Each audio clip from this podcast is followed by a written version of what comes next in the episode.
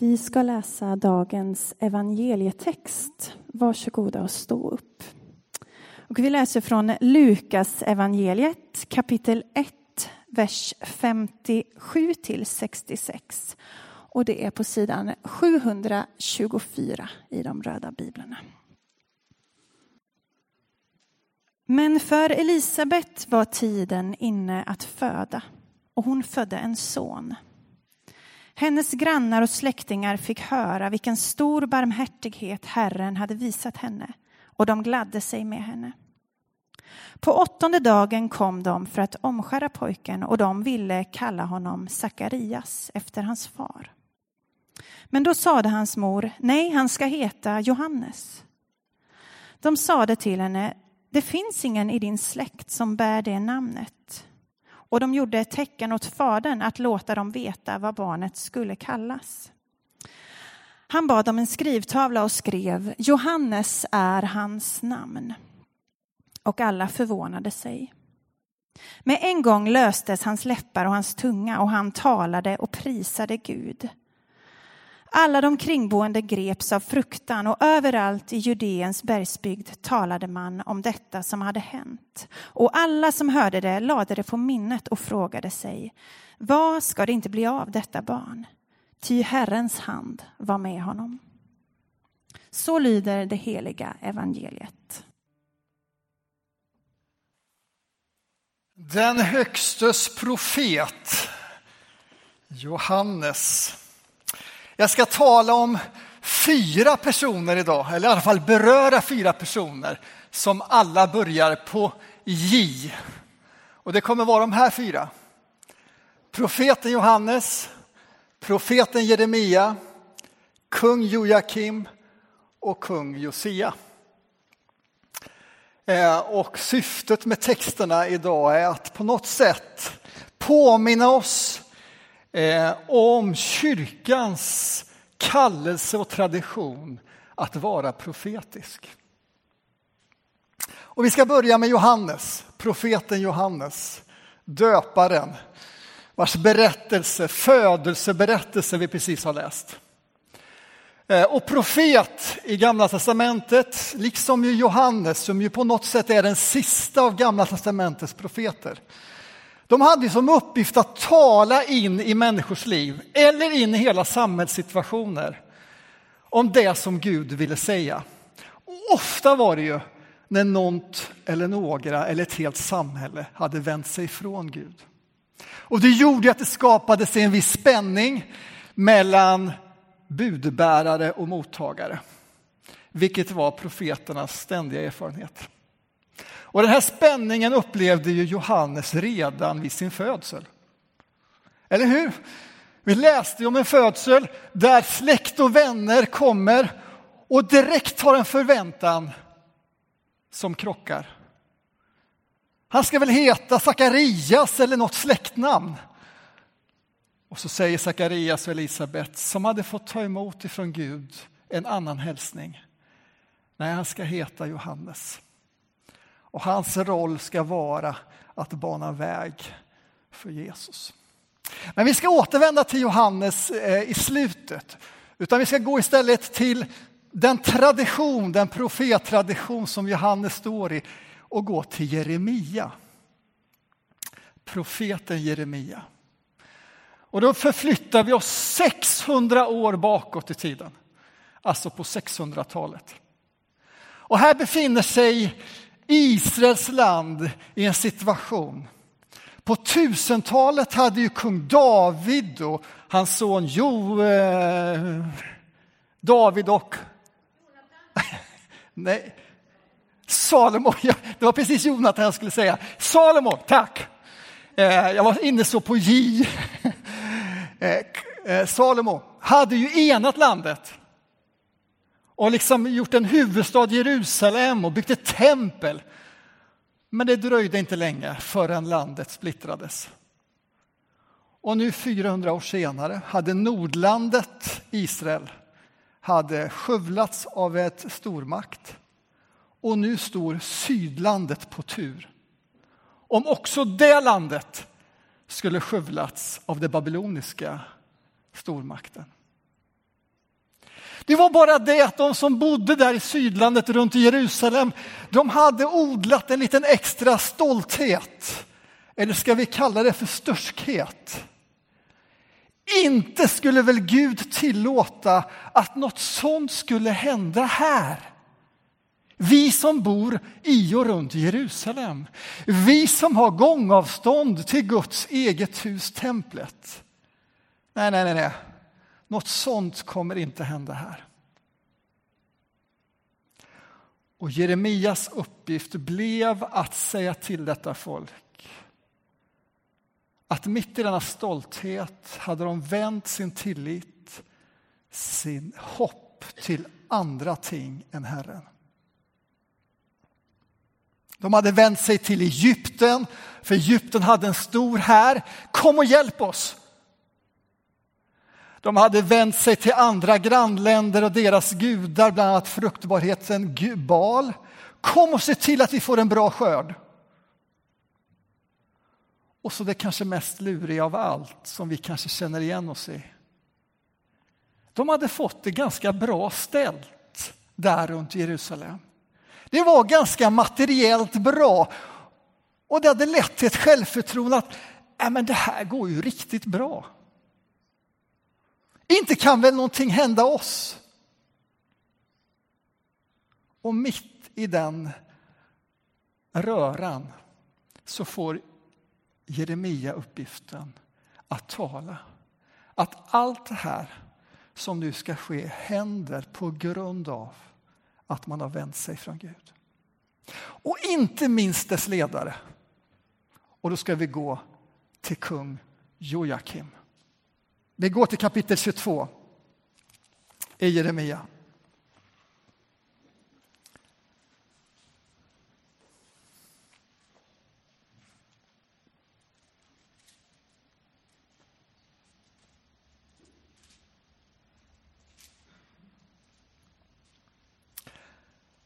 Nu talar alltså Jeremia och han talar till kung Jojakim. Och så säger han så här, de fyra första verserna. Så sade Herren, gå bort till Judakungens palats och tala där dessa ord. Hör Herrens ord, du Judas konung, som sitter på Davids tron, du och ditt hov och ditt folk och de som går in genom dessa portar. Så säger Herren. Handla rättvist och rättfärdigt. Rädda den utplundrade ur förtryckarens våld. Kränk inte invandraren, den faderlöse och änkan. Bruka inte våld mot dem. Låt inte oskyldigt blod flyta på denna plats. Det är ganska vassa ord att säga till en kung som ganska självsäkert sitter på sin tron. Vad är bakgrunden? Jo, det hittar vi lite längre fram. Vers 13 fortsätter vi. Jeremias talar fortfarande till kung Joakim. Ve den, eller dig, som bygger sitt hus med orättfärdighet och murar övervåningen med orätt som låter sin nästa arbeta utan betalning och inte ger honom lön. Den som säger jag ska bygga ett väldigt hus med rymlig övervåning jag ska förse det med fönster och paneler av cederträ och måla det lysande rött. Är detta att vara konung? Att pråla med cederträ?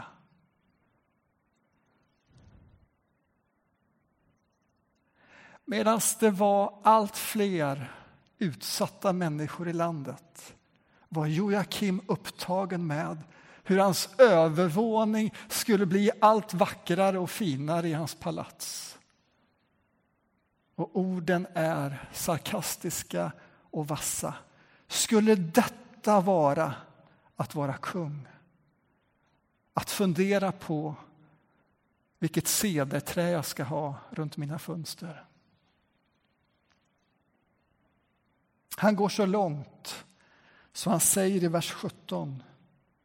Du har inte ögon för annat. Du har inte tanke på något annat än att roffa åt dig.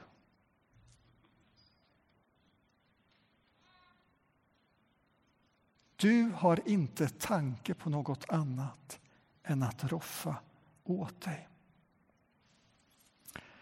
Så uppmaningen var att handla rättvist och rättfärdigt. Och så ger Jeremia en kontrast till Joakim när han istället pekar på hans pappa, kung Josia.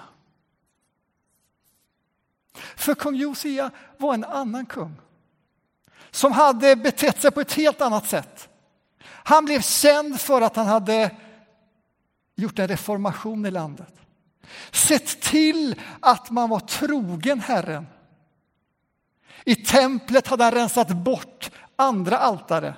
Han hade sett till att man bara läste ur Bibeln som på den tiden mest bestod av Moseböckerna och några profeter. Och han hade framför allt sett till att man var noga med hur man hanterade och bemötte de svaga i samhället. Därför säger Jeremia till kung Joakim i vers 15. Tänk på din far. Han åt och drack och gjorde det som var rätt och riktigt. Och då gick allt honom väl. Han värnade den svages och fattiges rätt. Jeremia vänder sig alltså till palatset och till makten och säger till honom, tänk och gör som din pappa gjorde. Och framför allt genom att handla rätt och rättfärdigt. Genom att bry sig om och se den svages och fattiges rätt.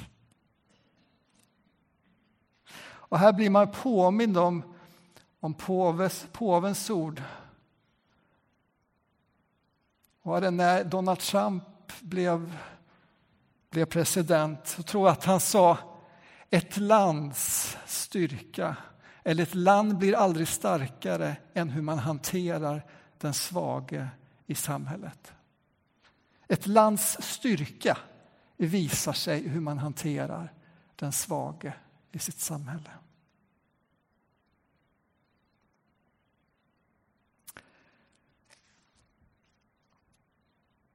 Vi har alltså två kungar. Och i det här kapitlet så avslöjas i Jeremia ett otroligt viktigt samband som kan för oss vara lite chockerande. Därför att hur kungen och folket hanterade de svaga utsatta skulle påverka hur stormakten skulle hantera folket. Lyssna här till vers 4. Om ni rättar er efter dessa befallningar så skall kungar som sitter på Davids tron och som har hästar och vagnar färdas genom portarna till detta palats. Det vill säga, om ni lyssnar nu till Guds profetiska ord att bry sig om den svaga och fattige då kommer du som kung sitta kvar och detta palats som du bryr dig så mycket om kommer att stå kvar. Men, vers 5, om ni inte lyder dessa befallningar så svär jag vid mig själv, säger Herren, att detta palats ska läggas i ruiner.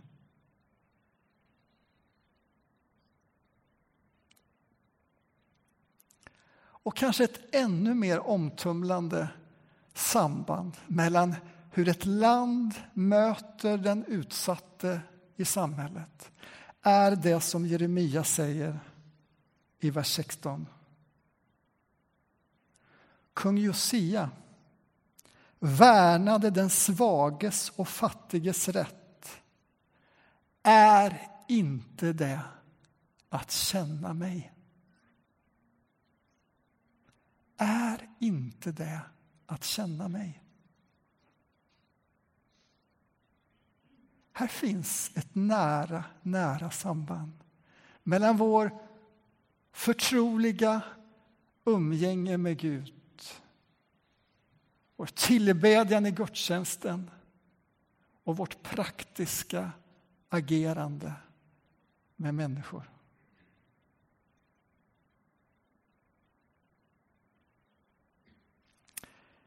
Två kungar och två förhållningssätt. Jojakim, den som roffade åt sig. Och Josia, den som ser till den svage.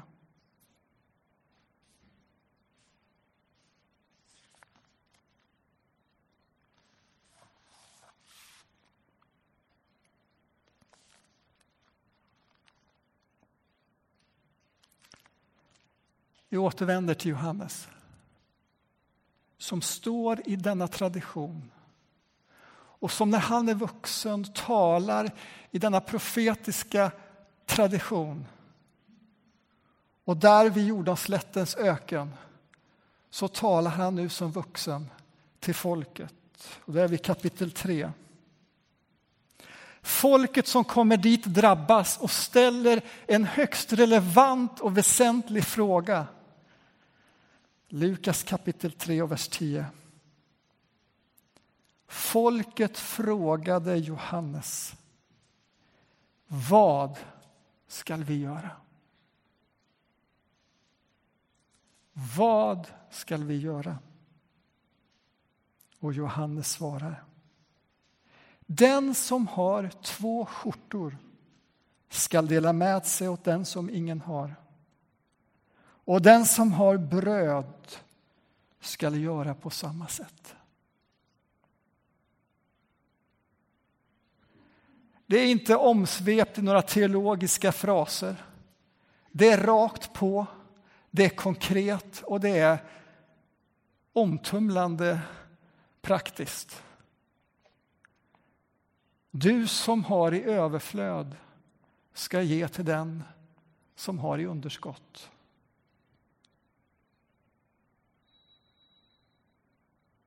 Och det är samma ton som Jeremia 600 år tidigare talade till Joakim om.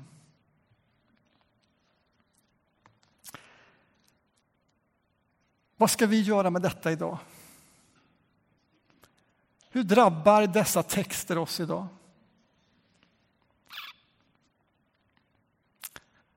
Det är den retoriska frågan som det är läge att vända sig till varandra och se vad, vad händer i ditt hjärta när du har hört. Det kan hända naturligtvis mycket och vi kan reagera på många olika sätt. Ett sätt är ju att som Sarons kyrka vara glad och tacksam över utvecklingen, över det diakonala och sociala arbete som församlingen driver. Där vi möter på många sätt människor vi gläds över att få vara med och samarbeta med organisationer som Räddningsmissionen som gör fantastiska arbeten på detta. Och tillsammans med kyrkan i den här staden är en viktig samhällsaktör. Och samtidigt är inte vår uppgift att se och avslöja var finns kung Joakim i vår tid. Var dyker roffarmentaliteten upp sig? Var i politiken? Var i näringslivet? Och så det där mest jobbiga.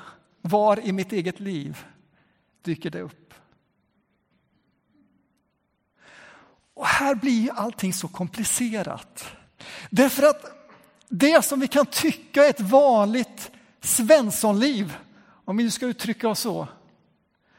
Ja, vi får ju mer och mer kunskap om att det livet innebär att människor långt borta ifrån oss blir mer och mer utsatta. Med sin ekonomi, med sin levnadsvillkor, med sina miljö och klimatbekymmer. Och det gör ju att man till slut bara, om man överhuvudtaget ställer sig frågan som Johannes åhörare gör, vad ska jag göra? Så till slut så kanske man inte ens ställer sig frågan längre. Det är för att det är så komplicerat. Det är så svårt att idag möta denna profetiska tilltal om rättvisa och rättfärdighet. Inte bara för dem som är oss närmast, utan i ett globalt perspektiv.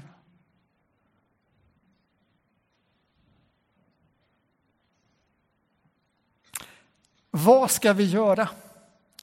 Ja, jag har nog inga konkreta svar på det just, i alla fall inte idag. Jag vet bara att som kyrka så behöver vi tillsammans samtala med Gud och med varandra och urskilja och försöka komma ändå till det där konkreta som Johannes var inne på. Vad är det konkret för steg vi kan ta? Och som vi tar och som vi fortsätter behöver ta individuellt och tillsammans som kyrka.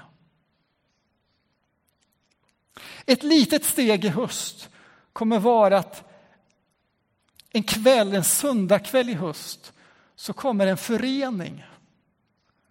En förening som heter God jord. Där ser jag Erika. Erika finns med i en förening i församlingen som heter God jord som samlar ett antal människor på söndagskvällarna för att brottas med varandra och med Gud kring frågan vad ska vi göra utifrån de orättvisor som inte minst klimat och miljöproblematiken visar oss.